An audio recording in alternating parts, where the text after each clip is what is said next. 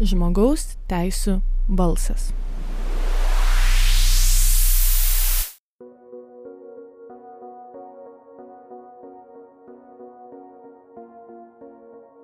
Sveiki, klausytojai, jūs klausotės Start FM radio 94,2 FM radio.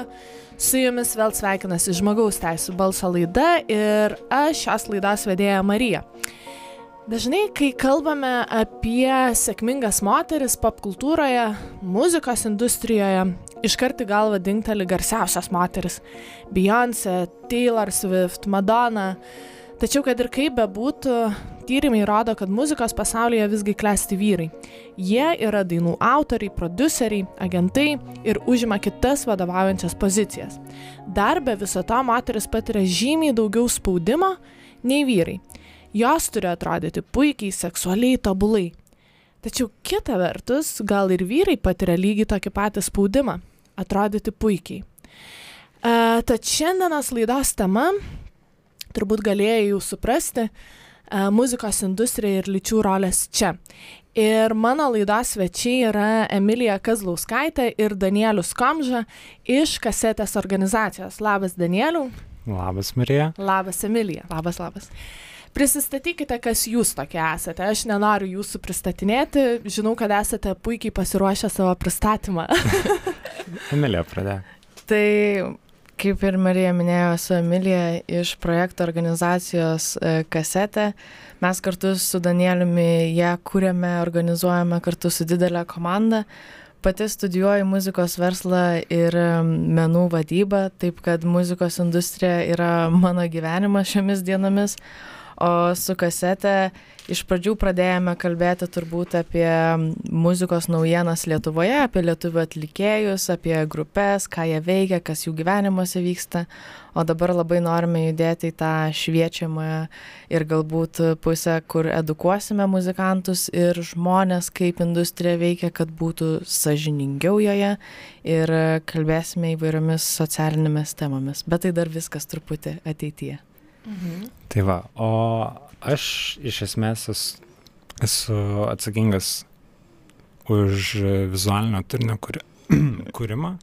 Tai aš filmuoju interviu, juos montuoju, redaguoju nuotraukas, kurias keliam, o šiuo metu daugiausiai užsiemu kitų edukacinių kanalų pavyzdžių ieškojimu, kaip jie daro ir koks būtų primtiniausias formatas mums o bendrai apie mane tai kurį laiką studijavau politikos mokslus, bet išėjau akademinių atostogų, nes supratau, kad tai nėra mano kelias ir dabar noriu, tiksliau siekiu, užsimti video kūrybą full time. Mm, puiku. Taip mes ir filmuojame šią laidą, kur, man atrodo, tu ir inicijavai, Danieliu, kad šita laida būtų nufilmuota. Puiku. Um, mes kadangi tai yra aš savo laidoje daugiausia kalbu apie lyčių stereotipus apie lyčių klišes man emilija femoj instagrame parašė kad klausyk aš turiu idėją apie ką mes galėtumėm pasikalbėti. Ir tu nuvedei būtent apie, e, tu nuvedei tą temą apie lyčių stereotipus. Tai mano klausimas būtų, ar kasetė kaip organizacija kalba apie stereotipizuotas lyčių rolės? Iš tiesų, kol kas tai buvo labai sudėtinga prieiti prie šitos temos iš tiesų. Vien dėl to, kad jinai yra siaubingai jautri pirmas dalykas ir ilgą laiką mes tiesiog pasakojame apie muziką, nekonkretizuojant apie tuos vidinius dalykus, kas joje vyksta, kas turbūt yra mūsų labiau ateityje negu dabartinėje stadijoje. Ir aišku, pati tema yra labai svarbi ir svarbu tiesiog žinoti visus kontekstus, kodėl galbūt taip yra, ar tai yra blogai, ar tai yra gerai, jau čia kitas klausimas, bet tiesiog kalbėti, užduoti tą tokį toną diskusijai ir būtų tas toksai ateities tikslas, kad būtų tas toksai, kaip sakant, awareness aplink tą temą ir kad žmonės žinotų, kad galbūt yra taip, o ne taip ir kokie, kas kaip ką įtakoja. Mhm. Ar jūs kiekvienas atskirai galbūt domitės lyčių stereotipų tematiką? Na, tai domėjimasis, nežinau, kaip, kaip Danieliui, tai kadangi aš esu mergina, tai kažkaip iš vien iš lyties pusės, sakykim, turbūt iš karto ateina tas toksai susidomėjimas ir stebėjimas, ką kiti apie tai sako. Aš visą laiką labai um, atsargiai žiūrėjau net ir į patį žodį feminizmas ir kurį laiką galbūt net iki šio podkasto taip net privengdavau, mhm. nes atrodo irgi kažkokių tai mitų apgaubtas mhm. žodis ir atrodo yra labai ekstremalių krypčių, kurios iš karto atbaido ir panašiai. Ir toks keistas sąryšis ir santykis su ta savoka ilgą laiką buvo, bet tas toksai stebėjimas, žiūrėjimas galbūt kaip ta tema yra kalbama, ką žmonės masto, kodėl taip yra, kokia yra istorija po visų šituo ir kodėl dabar mes iš viso tą tokį dalyką kaip feminizmas arba mąstymą apie lygias teisės turime, man pasirodė labai labai labai įdomu. Mhm. Danieliu, gal tu turi ką pridurti? Iš, nu, iš asmeninės pusės, tai mane be galo domina istorija ir aš praleidžiu labai daug laiko tiesiog mokydamasis apie ją ir natūralu, kad e, e, yra labai didelis skirtumai tarp tai, koks buvo lyčių santykis anksčiau ir dabar. Tai taip, tuo domiuosi ir e, gal šiek tiek dar pridėsiu prie mūsų platformos, gal kelionės į tai, kai mes, mes iš tikrųjų esam visiškai nauji. Mes susikūrėm, mum, kiek mes? Aštuoni mėnesiai. Aštuoni mėnesiai. Oho, aš galvojau, gal kokie bent jau du, mė, du metai bent jau. Ne. Eikti savo. Tai geras. Bet ir aš džiaugiuosi, kad mes labai greit prieėjom prie šito noro keisti tai, ką mes darom. Bet problematika tokia, kad kalbant apie stereotipus ir apskritai šitą temą, visada klausi, kas tu esi, kad apie tai pasakotum.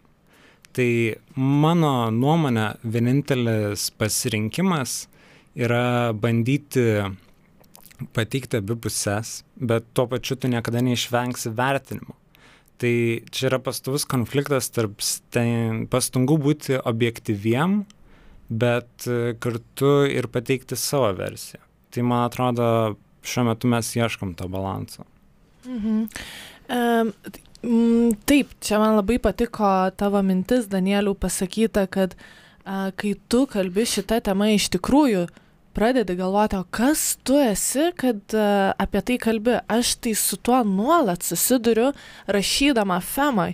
Ir a, a, manęs net ir yra paklausę heiteriai, pavyzdžiui, kas tu tokia, kad tu apie tai kalbi.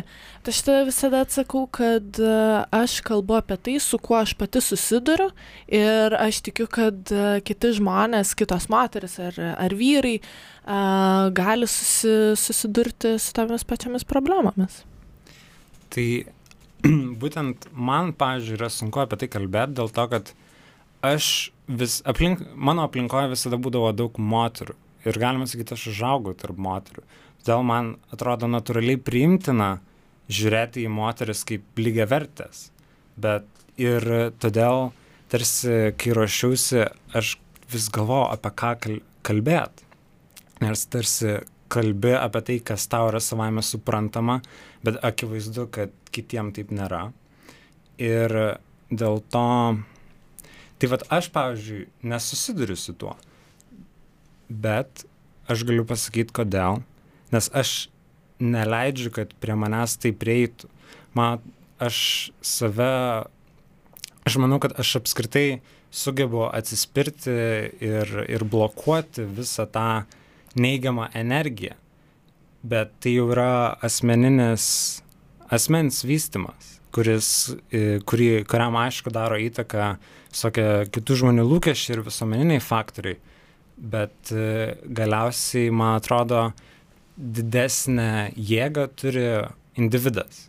Kad mhm. tu esi atsakingas už save ir kaip tu leisi, kad tave veiktų ir stereotipai, ir kitų žmonių lūkesčiai, ir tie visuomeniniai lūkesčiai. Mhm.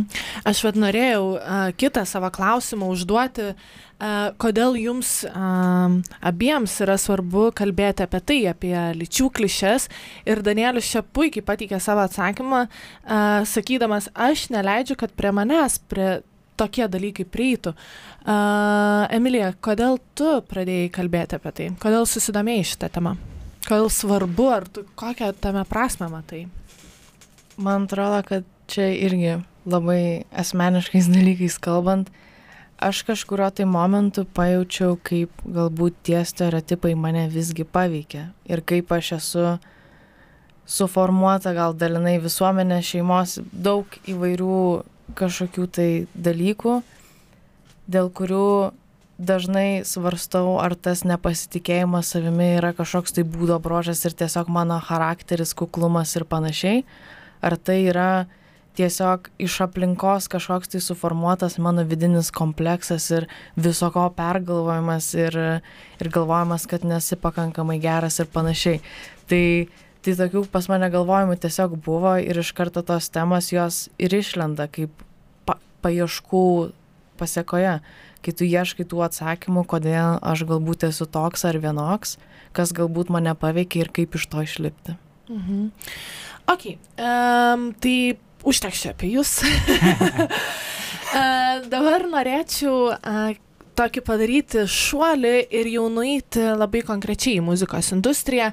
Mes prieš prasidedant laidai su Danieliumi ir Emilija kalbėjomės, aptariam, ką kalbėsim ir apskritai padiskutavom šiek tiek apie pačią muzikos industriją ir man Danielius išsidavė, kad jis domisi muzikiniais klip, klipais, ar ne? Ir vat aš tavęs norėčiau, Danieliu, iš karto paklausti, kaip tu galvoji, kaip yra vaizduojami vyrai ir moteris muzikiniuose klipuose? Koks tavo įsivaizdavimas arba kokia tavo nuomonė yra apie tai? Iš tikrųjų galėčiau pateikti labai ilgą ir komplikuotą atsakymą, bet taip supaprastinus viską, man atrodo, apskritai skirtingi vyrų ir moterų vaizdavimai klipuose e, atkyla iš to, kad bent jau aš sutinku su šitu teiginiu, kad tarp vyrų ir moterų yra minimalus, bet yra psichologiniai skirtumai. Ir kai jie pasireiškia per milijardus žmonių, susidaro dvi ryškios grupės, kai e, vyrai yra labiau agresyvūs, jie yra linkę e, dominuoti, tai iš esmės tai muzikiniuose klipuose pasireiškia kaip agresija, dominacija, dominacija mhm. e, kaip e, taip, iš esmės vadovo tokia pozicija. O moteris dažniausiai uh, yra tiek švelnesnių balsų ir, ir jų, uh, pavyzdžiui, muzika būna labiau akustiška, ji remiasi mhm. balsu mhm. ir, ir ji apskritai yra švelnesnė. Bet tada pasižiūri, kodėl dažnai švelnumas yra ištransliuojamas kaip e, pataikavimas kaip subordinacija. Mhm. Ką tu turiu omenyje? Turiu omeny, kad e, dažnai e, klipuose moteris šoka aplink vyrus. Čia nu, gal vyro ne, dominacija taip, netgi. Nebūtinai kaip yra. šokio forma, bet e, mhm. kaip metafora. Bet antra vertus, yra daug muzikinių klipų, kur ir moteris dominuoja. Tai mhm. Tai čia yra tokia erdvė, uh, kurioje iš tikrųjų negali ištraukti kažkokio bendro stereotipo. Mhm. Čia ir plus labai yra sunku vertinti, nes labai yra sunku atskirti, kas yra meninis sprendimas ir, pavyzdžiui, kas yra uh, savęs pateikimas, kabutėse tariant, kaip, nu gal ne kabutėse, bet kaip preke. Mhm. Tiek vyrui, tiek moteriai. Kaip tu galvoji, Emilija? Apie Aš... muzikinius klipus, ar ne? Dėl, dėl muzikinių klipų tai irgi labai labai sunku nustatyti kažkokį tai tendenciją ar kažkokį tai vaizdinį. Ir kaip Danielius jau pradėjo kalbėti, ne labai sunku atskirti, kur tai yra atlikėjo ar vadybos ar agentų ar kieno nors atsakingo pasirinkimas, išvaizdos, brando ir panašiai, ar tai yra kažkieno tai kito manipuliavimas atlikėjo įvaizdžiu ir tai padarimas kažkokio tai produkto, kuris saliginai turbūt tada jau stereotipiškai patiktų didžiajai masiai. Ir aš manau, kad čia labai svarbu paminėti, kad dabar, manau, mes kalbam labiau apie pop kultūrą, muzikos pop kultūrą. Taip, taip, taip, vienareikšmiškai. Taip. Nes, nes yra šiek tiek tai tų skirtumų. Tai kalbant apie apskritai pop kultūrą, tai yra pataikavimas visuomeniai. Tai tada tai atspindi visuomenės požiūrį ir tai, ko jie galbūt kabutėse nori. Tai čia irgi labai... Klister. Aš tai gal sakyčiau ne visuomenės, o tiesiog neturėjimas tikslinės auditorijos. Tu bandai įtikti visiems. Tai jo, tai tada tiesiog bandymas galbūt ir įtikti visiems ir, ir, ir parodyti, kad tu čia esi labai universalus. Ir apskritai, tada labai svarbu žinoti, kas yra ta auditorija, kas kieno klausosi. Iš tiesų, statistiškai tai nėra taip, kad vyrų atlikėjų labiau klausosi moteris, o moterų atlikėjų labai klausosi vyrai. Tai tas savotiškas galbūt seksualumo vaizdavimas tuose klipuose nebūtinai reiškia, kad tą mato tik tai vyrai, nes jie to nori ir panašiai. O tai galbūt yra visiškai atlikėjo sprendimas tiesiog būti pačiai savo seksualia ir gražia ir panašiai tai tą kaip ir danielius jau minėjo ribą pamatyti yra siaubingai sunku. Ir ir čia mes neįėję į galbūt atlikėjo ar jų vadybos sprendimus ir tą visą įvaizdžio kūrimo procesą negalėsim niekada pasakyti kiek tai yra pasirinkimas o kiek tai yra tokio įvaizdžio sukonstravimas iš aplinkos. Aš, aš galiu dar vieną mhm. um, minėjai šitą, kad nebūtinai vien vyrai žiūrės į seksu, nu, seksualiai pateiktą vaizdą, pavadinkim taip. Didelis yra statistikų trūkumas. Pavyzdžiui, kad mes turėtume atsakymą į tai, geriausias, man atrodo, šaltinis yra YouTube'as dėl to, kad jis viską seka, kas kur e, žiūri. Ir dėja, tie duomenys yra prieinami tik vadybai ir marketingo departamentam. Mes tokių dalykų nežinom. Mhm. Nu, Be abejonės, čia bet kokiu atveju yra sudėtinga pamatuoti, kas ką žiūri, bet e, aš vėlgi turbūt laikyčiausi tos pozicijos, kad, kad ir kaip bebūtų, e, kad ir kokie sprendimai ir e, dėl kokių priežasčių jie buvo priimami, bet kokiu atveju yra per daug um, iš um, seksualizuotas moters kūnas, per daug jinai yra parodoma tobula, netitinka realybės Uh, o vyro, man labai patiko tavo Danielių mintis, ta vyro dominacija, ar ne, pavaizduota, kad vyras būtinai turi būti dominuojantis mačio tas, ar ne. Tai uh, man atrodo, kad šiek tiek yra per daug pop muzikos kultūroje. Mes turbūt turėjome pradėti nuo pat pradžių ir pasakyti, kad ja. mes vėlgi kalbame daugiau apie pop kultūrą, nes um, kitose, uh, turbūt net ir muzikos stiliuose uh, mes uh, turime kitokį vaizdą, net ir Lietuvoje. Gerai, ties čia ir pabaikime e, pirmąją laidos dalį. Primenu, kad jūs klausote žmogaus teisų balso laidos. Niekur nepabėkite, nes netrukus sugrįšime po muzikinės pertraukos. Žmogaus teisų balsas.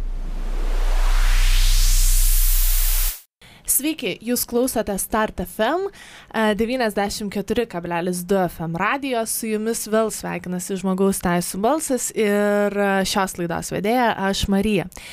E, toliau tęsėme savo pašnekesius e, su Emilija ir Danieliumi iš kasetės organizacijos apie muzikos industrijoje konstruojamas, konstruojamas lyčių klišes. Ir žinot, man aš tai yra uždaviau klausimą savo skaitytojams Instagrame ko jie norėtų jūsų paklausti. Ir vienas uh, klausimas buvo tikrai labai taiklus ir labai geras. Jie klausė, ar esant tiek nuostabių moterų atlikėjų netrodo, kad uh, lyčių klišės muzikos industrijoje tai yra mitas. Kaip Danieliau tu galvoji? Taip, tai apibendrinant tą muzikinių klipų temą, uh, apskritai muzikiniai klipai yra mūsų dabartinės kultūros atspindys. O dabartinė kultūra pasimžymi tokiais labai kraštutinumais ir tokio sveiko dialogo diskurso nebuvimu. Ir, ir apskritai, ar tai mitas, ar tai ne, tu gali apginti abi pozicijas ir tai iš tikrųjų yra labai subjektivu. Tačiau, nepaisant to, kad mes dabar gyvenam tokiuose, nu, pasakykim, kraštutiniuose momentuose, e, man, pavyzdžiui, yra vis dėlto džiugu matyti, kad į viršų iškyla geriausi. Tai reiškia, kad nėra svarbu nei tavo lytis, nei kas tu esi, vis dėlto tu esi vertinamas dėl savo talento. Nu tai pavyzdžiui, Billie Eilish, kuri visiškai nerodo savo seksualumo. o grinai laimėjo penkis Grammys dėl to, kad ji yra kažkas kito. Mhm. Kaip tu atsakytum, Emilija, į šį klausimą? Iš tiesų, tų moterų muzikos industrijoje atlikėjų grinai tai tikrai yra buvę, kurios nepardavinėjo tik tai savo kūno, o turėjo daug kitų, sakykime, ar charakterio savybių, kurios papirko, ar vokalinių sugebėjimų, netgi ta pati Adelė, kuri jau kuris laikas industrijoje yra. Mhm. Ir jinai niekada nepardavinėjo savęs kaip produkto ir jinai tai buvo įvardinus kaip, kaip didelę vertybę jai, kad jinai nori išlikti savimi, neparduoti kūno, bet parduoti savo muziką mhm. ir tą meną tai tai iš tiesų tų pavyzdžių yra būta ir anksčiau bet apskritai kalbant apie muzikos industriją ir moterų reprezentacijoje tai eina kalba ne tik tai apie atlikėjus ir atlikėjas. Yra daug įvairių rolių viduje kaip ir tu marija jau užsiminei ir vadybininkų ir agentų ir tos vadybinės turbūt pozicijos kuriose irgi dažnai trūksta moterų.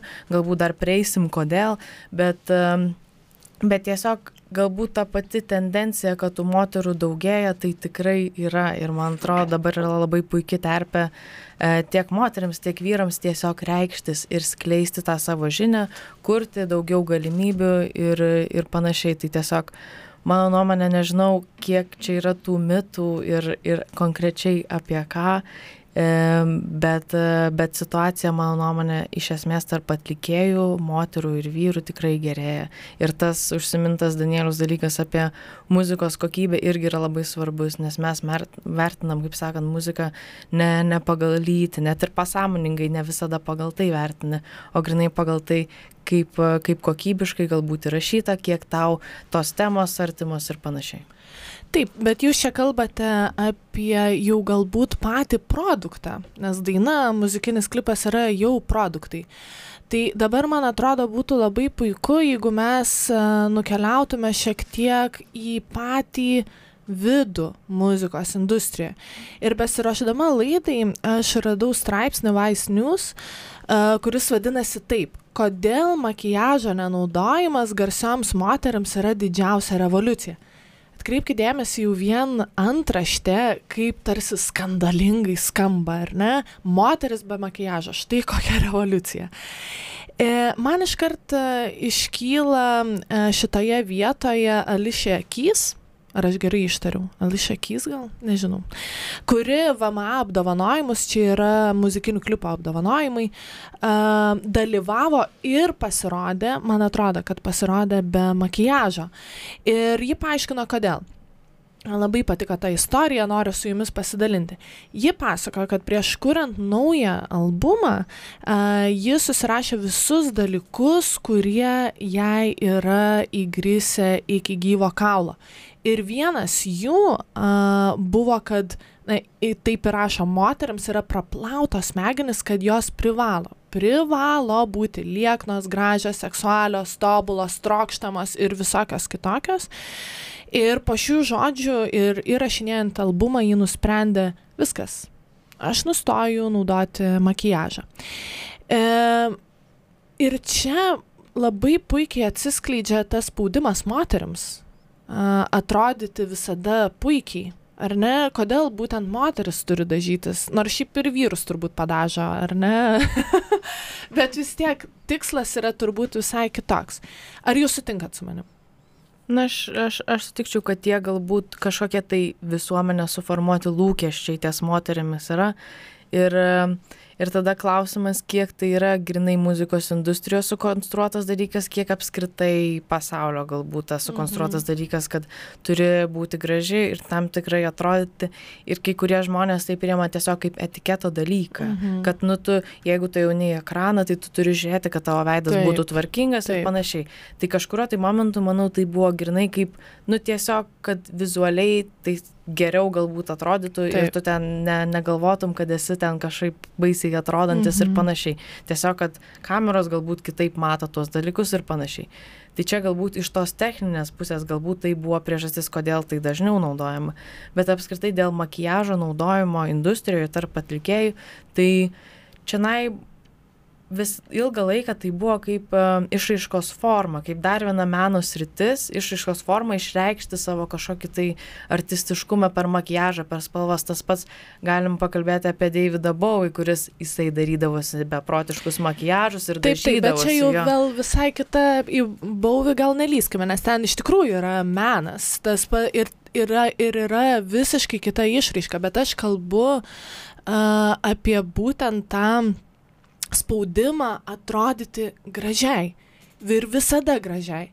Ne? Tai vad, kas čia, va tu palėtė ar nesakai, čia klausimas yra, aš asmeniškai dar visiškai nesu savo atsakiusi pilnai į tą klausimą, um, nesu visiškai pilnai atsakiusi savo į tą klausimą, tai ar um, ar tai yra visuomenės problema, ar tai yra atskirų visuomenės grupių problema, kad e, mums dabar sako, kaip mes turime atrodyti, ar šiuo atveju atlikėjoms, kaip jos turi atrodyti. Na čia irgi labai, labai sunku įsivaizduoti, kaip kiekvienas atlikėjas masto ir kaip tie sprendimai yra prieimiami. Man asmeniškai atrodo, kad, kad galbūt tas pateikimas veido, kad kad tai nėra priverstinis dalykas. Kiekvienas atlikėjas jisai pats kuria savo įvaizdį. Tai kažkokią tai sprendimų galę tiek jisai, tiek vadybininkas turi ir nėra, kad privalai taip ir anaip. Ir, ir ypač net ir 70-ųjų muzikoje makiažas tikrai nebuvo pagrindinis dalykas tarp moterų atlikėjų. Čia galbūt labiau, nežinau, nežinau net kelintų metų čia galbūt atėjęs tas dalykas, kad būtinai reikia būti pasidažius ir ekstravagantiškai galbūt atrodyti, bet pavyzdžiui, 70-ųjų muzikoje buvo kaip tik visas labai galbūt hipių judėjimas ir tikrai ten nebuvo kažkokio tai didelio noro uh, makiažų parodyti save kaip atlikėją ir kad tu privalai taip atrodyti. Tai taip, čia... bet čia kitokia visuomenė buvo. Taip, taip. 70, tu sakai, ar ne, hipiai, iš tikrųjų, hipiai ten e, tik tais apie natūralumą, bet kokį, man atrodo, ir e, kalbėjo. E, bet mes gyvenam šiomis dienomis, tai yra 21 amžiuje ir bet kokiu atveju, man atrodo, taip, yra moterų, kurios, na, jos pačios turbūt nori dažytis ir aš nesakau, kad dažytis yra blogai, bet aš sakau, kad yra blogai tai, kai tai tampa prievolė, kad tu privalai tai daryti ir aš tą vat prievolę labai aiškiai matau būtent muzikos industrijoje.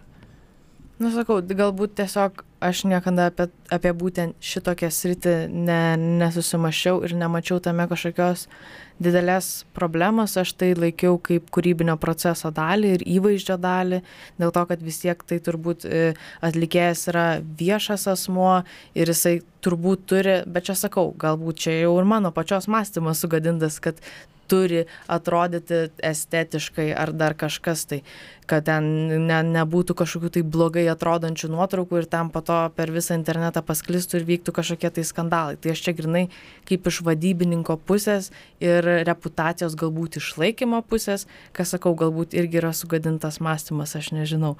Tai čia sakau tik tai kaip kaip man atrodo, aš tame didžiulės problemos nematau, nes yra labai daug atlikėjų, kurios kaip tik tam priešinasi, kaip ir Ališakys pavadintas atvejis. Ir, ir tiesiog nežinau, ar tai yra toks stipriai kertinis e, dalykas, nežinau. Tiesiog galbūt niekada nesusimaščiau apie būtent šį klausimą, nes man makiažas ir tas make-upas visas laikas atrodė kaip išraiškos forma ir galbūt noras įgyti kažkokį tai personažą, kas irgi labai esant atlikėjų yra svarbu, kai kurie atlikėjai būna visiškai nuogi savimi ant scenos, o kiti tampa kažkokiu tai personažu. Ir, ir makiažas tampa kaip priemonė tapti tuo personažu. Taip, čia tuo atveju tai aišku, e, jeigu mes, e, jeigu atlikėjas bando įkūnyti personažą, tai tik tai svalio. Man čia iš karto turbūt, e, jeigu tai pažiūrėjus į lietuvių atlikėjas moteris, Migloko ir Monika Liu, galbūt, aišku, yra jų ir daugiau, bet jos va tos tokios, kurios iš tikrųjų makijažą a, turbūt naudoja saviraiškai kažkokiai? Tai, tai čia yra viskas nuostabu, aš tik tais vėlgi sakau apie tą prievalę, kad a, jeigu tai tampa prievalę, tai visgi nėra ok. Gerai, um, kaip galvojat, arba gal jūs žinote, ar yra vyrų, kalbančių apie moterų padėtį muzikos industrijoje. Ir čia nebūtinai apie seksualumą dabar reikia kalbėti, galbūt, e, nes mes toj prieisime ir pasikalbėsime apie tai, kad e, daugiau, su daugiau problemų susiduria moteris. Galbūt dabar ir pakalbėkime apie tai, ar ne, kad ne tik spaudimą patiria dėl to, kaip ji turi atrodyti, bet susiduria su žymiai daugiau problemų. Emilija, tu linksi galvą, matau, kad nori šaukti atsakymą. šaukti atsakymą, aišku, vieno atsakymo atsakymo lyg ir, lyg ir nėra, bet iš tiesų kalbant e, apie tą moters įvaizdį industrijoje ir kaip galbūt vyrai tai žiūri, tai vien iš pažįstamų vyrų industrijoje Lietuvoje labai visi skatina moteris kurti ir nori jom padėti reikštis. Tai čia yra keletas, keletas pažįstamų, tai pavyzdžiui Martinas Butkevičius iš A Days a Week, jisai irgi visą laiką mes kiek su juo esam susitikę, jisai labai stipriai pabrėžia, kad trūksta moterų ir jų tikrai reikia. Ir tas pats e, atlikėjas Tomas Narkevičius Freefinga. Mes kažkada su juo kalbėjomės, kad jis nori surinkti keletą merginų, potencialių producerių ir jas išmokyti yes. tai daryti, kad jos galėtų tai pačios daryti. Mhm. Tai aš manau iš vyrų pusės iš to, ką pažįstu asmeniškai, iniciatyvos tikrai yra. Pavyzdžiui, Londone, kur mokausi irgi tiek dėstytojai, tiek organizacijose, kuriuose dirbau, pavyzdžiui, Help Musicians UK arba Youth Music, kurie grinai Help Musicians UK labiau dirba su mental health problems, sakykime, ir su įvairiais psichologiniais dalykais, tai jie turi net atskirą departamentą, kuris rūpinasi grinai moterim atlikėjom, dėl to, kad jų e, kartais problemos yra skiriasi galbūt nuo vyrų ir jos dažnai irgi iššaukia tą tokį klausimą, ką man daryti, man labai sunku prasimušti ir panašiai. Ir, ir Youth Music grinai apie jaunas atlikėjas ir kaip jom, susi, ne tai, kad susitvarkyti, bet kaip susitvarkyti galbūt su savo karjera ir tuo galbūt stereotipizuotų mąstymų pačioje industrijoje. Mhm, Danieliu, ar turi ką pridurti? Aš galbūt e, norėčiau tokia retrospektyviai pažiūrėt. Moterų trūkumas tikrai yra ir ne tik Lietuvoje. Pavyzdžiui, Emily Evis, kuri yra Glastonbury festivalio organizatorė, ji labai uh, aiškiai sako, kad ji nori kuo daugiau moterų, kad dalyvautų jos festivalį. Bet sako, tiesiog nėra talentų, iš kurių rinktis. Mhm. Tai kodėl? Tad man atrodo, kad tai yra todėl, kad um, šis išsilaisvinimo momentas, kai, nu, bendrai tariant, man atrodo, kad e, šiais laikais e, įvyko didžiulis išsilaisvinimo momentas, ypač interneto pagalba, kai nebėra tokių didelių barjerų kurti muzikai, ypač iš techninės pusės instrumentai irgi stipriai atpigo. E, ir man atrodo, kad visiems yra galimybės kurti muziką, tačiau skirtumas toks, kad moterim, manau, tai yra, galima sakyti, vos ne kultūrinis šokas. Nes ištisus šimtmečius buvo priespauda, buvo kontrolė. Ir tas apskritai moterų emancipacija yra toks naujas dalykas, kad galbūt tiesiog dar nėra pasiruošusios tam. Ir ir dar nėra tam pasiruošusios ir iš tikrųjų moteris auklėjama šiek tiek kitaip. Berniukai vaikystėje visgi yra labiau skatinami imtis lyderystės, kuri padeda vėliau jiems užimti žymiai geresnės, nenoriu sakyti geresnės, galbūt aukštesnės pozicijas, bet kur, ar ne? Mergaitės visgi yra taip apkamšytos, apkamšamos, kad tik tais nesuklysti, kad tik tais būti tobulai ir geriau nesijimktų ten vadovaujančios pozicijos, nes tave suės, pavyzdžiui, ar ne? Galiu. Taip. Aš, vat, pavyzdžiui, pasipriešinčiau šitam teiginiui šiek tiek ta prasme, kad um, man besiklausant visokių, sakykime, minčių lyderių, visi sako, kad ateityje lyderystė yra pagrįsta emociniu intelektu ir empatija. Ir šiuo atžvilgiu, man atrodo, moteris kaip tik yra stiprioje pozicijoje dėl to, kad e, aš bent jau tikiu, kad yra natūrali tendencija, kad moteris yra labiau empatiškos, jos e, e, gali, sakykime, jam yra lengviau suprasti kitą, o tai yra viena svarbiausių savybių busimiem vadovam. Todėl manau, kad gal net ir dabar tai jau e, nebėra tokia didelė problema. Mhm. Bet tu kalbi apie ateitį, o mes kalbant apie ateitį būtinai turime nagrinėti ir praeitį. Uh, taip, ateityje galbūt, uh, ne galbūt, aš tikrai tikiu, kad daugiau moterų turėsim lyderių. Ok, pabaigime antrąją laidos dalį būtent čia. Primenu klausytojai, kad jūs klausote žmogaus teisų balso laidos. Netrukus sugrįšime po muzikinės pertraukos, tad būk su mumis. Žmogaus teisų balsas. Sveiki sugrįžę, jūs klausote Start FM radio 94,2 FM, čia žmogaus teisų balsas ir aš a, šios laidos vedėja Marija.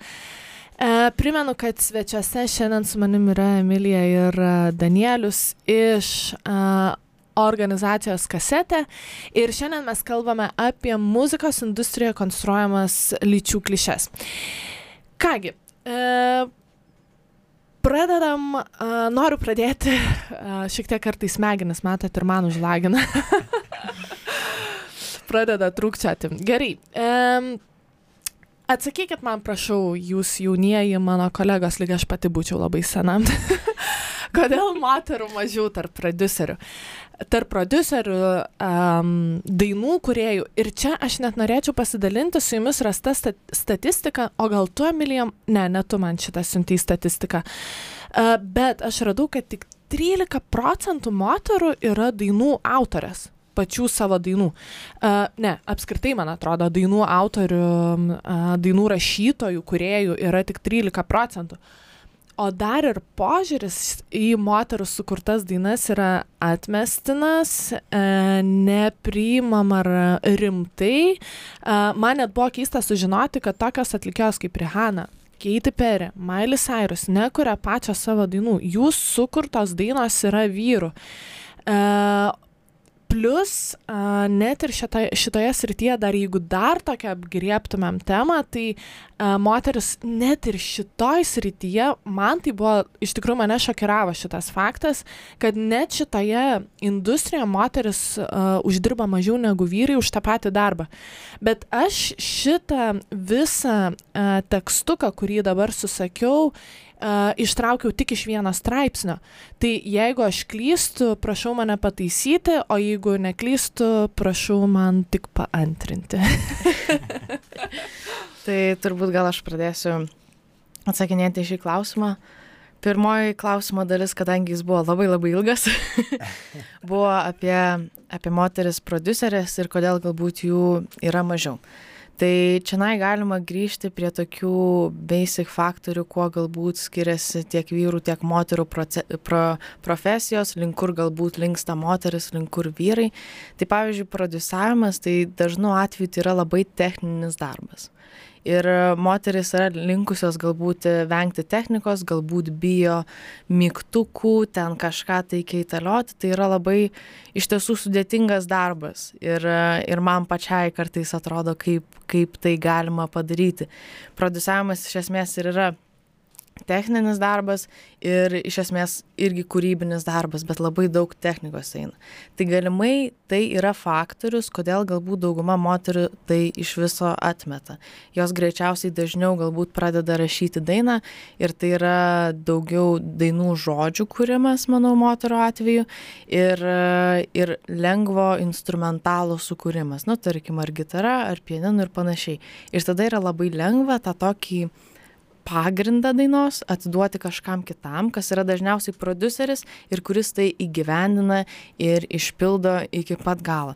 Tokie variantai labai dažni net ir Lietuvoje tarp moterų atlikėjų kadangi tai tiesiog yra sudėtingas darbas ir ne visi tam turi žinių o kad tų žinių įgauti dažnai reikia laiko ir tų techninių techninių susi sugebėjimų. Tai galbūt tai būtų bent jau dalinis atsakymas kodėl yra mažiau moterų dirbančių kaip prodiuserių.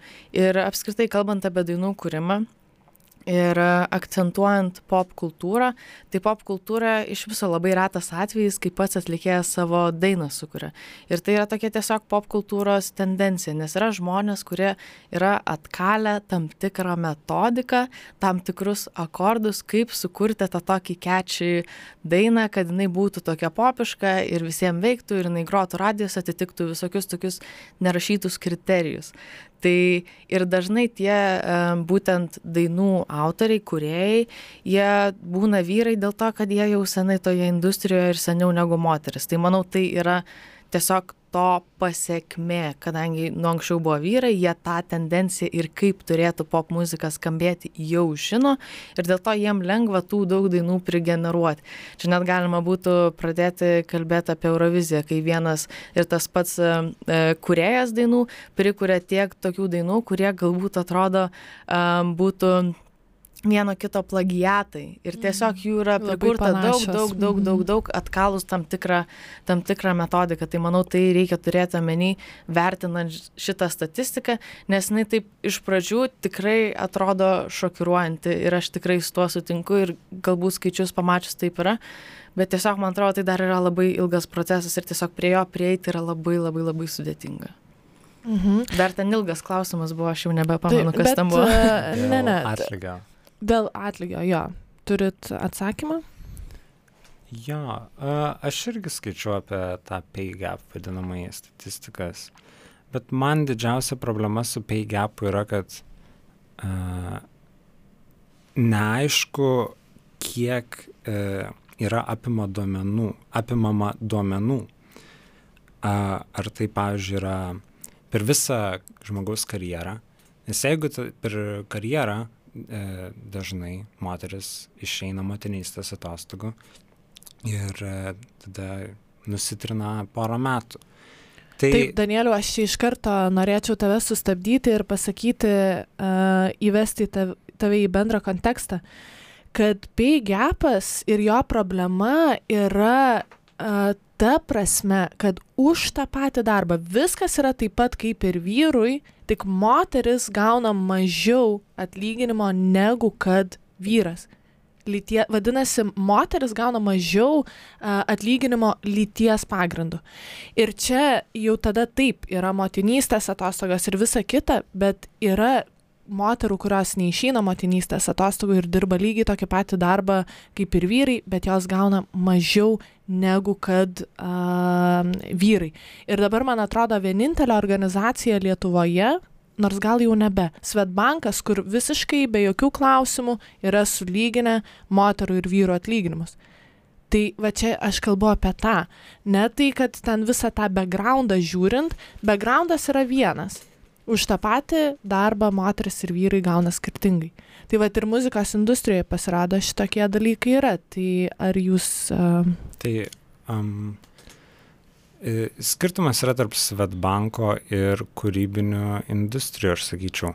Um, bendrai, uh, nežinau, uh, ar žinot, bet uh, neseniai BBC kilo skandalas dėl to, kad uh, vedėjas vyras ten uždirba dešimt kartų daugiau Taip. negu moteris. Taip. Tai vad, atlygis visada yra vertinamas pagal tai, kiek mm, manoma, kad yra sukuriama vertės. Ir kūrybinėse industrijose tą vertę, man atrodo, yra labai sunku pamatuoti. Ir tada man atrodo, da, dažnas atvejis būna, kad tai tampa darybų klausimu. Ir tada, man atrodo, mes grįžtam prie to istorinio konteksto, kad, kad moterys uždirba mažiau, manau, nes tiesiog neprašo daugiau. Man atrodo, talentų skirtumų tarp vyrų ir moterų nėra. Bet man atrodo, kad yra dėrybinių įgūdžių skirtumas. E, taip, tai irgi vis, visiškai pritariu, gali būti ir taip, kad e, moteris e, iš tikrųjų tai buvo išmokyta, kad mm, bijo, nedrįsta paprašyti to, ko jinai yra verta. Gerai, noriu dar vieną klausimą jūs įvesti. E, skaičiau žurnale Mary Claire straipsnį apie seksizmą ir diskriminaciją muzikos industrijoje tik neprisimenu, kas autorius ar autorė šito straipsnio, bet man labai patiko, kaip nupaišė visą situaciją. Tai aš jums, su jumis pasidalinsiu tą istoriją. Londonas studija. Vakaras paauglė pop dainininkė kuria pirmąjį savo vaizdo klipą. Jos produceris, agentas, dar keli asmenys, vien vyrai, kurie prilipę prie kompiuterio ir komentuoja ją pačią. Replikos buvo maždaug tokios, kad ji nėra pakankamai seksuali ir turi būti žymiai gražesnė ta vargšė gretimame kambaryje su aptamtomis kelnėmis, aukštakulniais, padažyta, sušukuota, verkia visi tie me, e, menedžeriai, aš nežinau, galbūt taip galima sakyti, uh, nebuvo patenkinti taip, kaip jį juda, teigia, kad ji per puri, per stambi, uh, tad jai reikėtų numesti svorio. Privalo, privalo, atsiprašau, išmokti judėti gražiau, praktikuoti savo seksualumą. Mano klausimas, kiek vyrų sulaukia panašių replikų? Čia iš tiesų sunku būtų pasakyti, gal, Dan, gal Danielius galėtų pakomentuoti, kiek, kiek gal kiekvienas asmeniškai yra tokių replikų sulaukęs, bet e, labai noriu pointaudanti patį faktą, kad e, muzikos industrijoje yra labai taip šlikštus požiūris į atlikėją, sakykime, ir jo įvaizdžio kūrimą. Galbūt tai yra kiek agresyviau su moteriam, nes jų įvaizdis dažnai ga, galimai yra svarbesnis, nes jų um, kuriama muzika. Bet uh, tas pats galioja ir vyrams, ir iš jų tikrai yra labai daug reikalavimą. Mhm. Čia grinai yra toksai dalykas, kuris galioja žmonėm ar garsenybėm, kurie išeina į viešumą ir kurie turi atitikti kažkokius tai irgi, vėl, kaip ir minėjau prieš tai, tam tikrus reikalavimus būti pakankamai gerais, mhm. pateikti save kaip kažkokias lėlės ir vos ne netikras asmenybės, kas jau po truputį galbūt jau keičiasi ir kai kurie po truputį atviriau kalba ir Taip. tampa nuogesni ir panašiai, bet tai tiesiog yra labai tokia šlikšti vieta industrijoje, kur tavo įvaizdis e, labai daug apie tave pasako ir dėl to jis turi tokią didžiulę įtaką. Todėl tie menedžeriai, agentai ar kad ir kas ten toj studijoje bebuvo, jie sukuria tą spaudimą, kad tu turi atrodyti taip ir taip, kitaip nebūsi finansiškai sėkmingas. Mhm. Um, jo, tu čia labai gerai pabrėžiai, kad uh, tiek vyras, tiek moteris, aš net užsirašiau, turi būti žiūrimiems. Ta prasme, per kabutės jie turi būti žiūrimi, ar ne? Um, tu nori kažką pridurti, Emilija? Ne, tiesiog, kad, kad tas žiūrimiems, tai kaip sakant, prezentatyvi išvaizda, taip. kaip pakuotė, kaip sakant, turi, kuri estetiškai turi atrodyti. Taip, taip. Ir va čia tada a, būtent a, ir susiduria ir vyrai, ir moteris, ir a, man atrodo, tas spaud, tą spaudimą mes galime net a, ne, neskirstyti į lytis, tiesiog žmonės patiria, ar ne? Bet man atrodo, kad mes visgi nusprendėme šioje laidoje, kad lyčių stereotipai muzikos industrijoje vienaip ar kitaip jie pasireiškia. Ar ne? Vyras a, turi dominuoti, moteris a, seksualizuota. Um, kaip Jūs galvojate? Aš visų savo laidos svečių laidos pabaigoje klausiu, ką uh, reikėtų daryti, kad tokie stereotipai išnyktų šiuo, at, šiuo atveju muzikos industrijoje. Danieliu. Taip. A, iš tikrųjų, čia labai, labai susijęs su tuo, ką aš, su kuo aš iš tikrųjų ir norėčiau pabaigti pokalbį, tai yra, kad man atrodo, kad kuriai turėtų daugiausiai tiksliau, e, iš naujo tariant, e, man atrodo, kad kuriai šiais laikais turi nerealias galimybės vystyti savo talentus. Ir man atrodo, kad didžiausia, e, didžiausias privalumas gyvenant šiais laikais, tai yra, kad tai priklauso nuo tavęs. Jeigu tu nori kovoti su stereotipais, tu turi investuoti į save, kad tu pats kaip asmuo būtum stipresnis, kad tu suburtum komandą, kuri turėtų panašias vertybės kaip ir tu. Ir galėtų kaip kolektyvas kovoti su tais, ką Emilija minėjo, produceriais, kurie nori tam tikrą įtaką daryti ir spausti tą stereotipizuotą prekės įvaizdį. Mhm. Taip kad e, man atrodo, kad svarbiausia yra dirbti su savim ir kiekvieną dieną mokytis vis kažką naujo, tobulėti ir taip, taip daryti įtaką visai šitai kultūrai, o netikėtis, kad kažkas savaime pasikeis. Be abejonės. Emilija?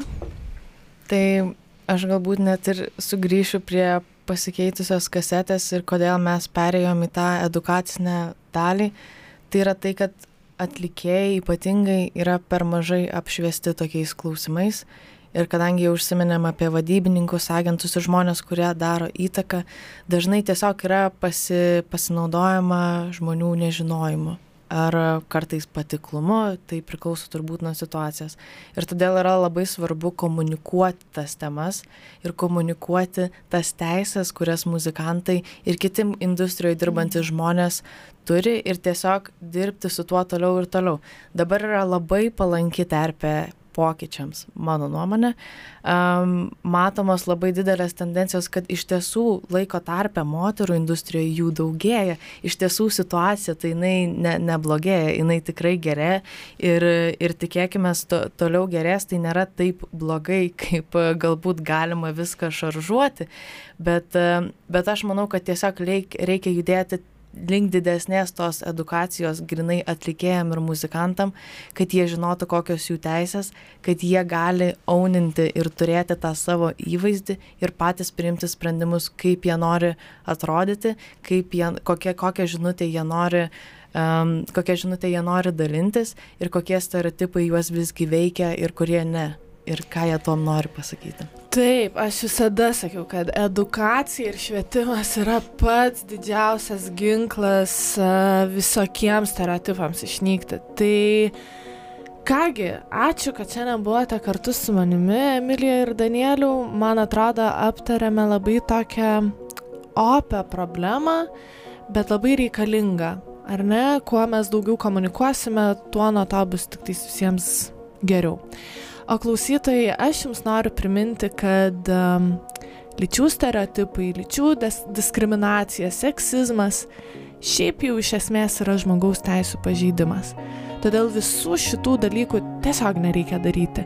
Gyvenkime patys ir leiskim gyventi kitiems taip, kaip jiems atrodo geriausiai. Taigi šią valandą buvote kartu su Start FM, žmogaus teisų balso laidė, laidos vedėja e, Marija, e, su Danieliumi, Emilija, e, viso ir gražios savaitės. Iki.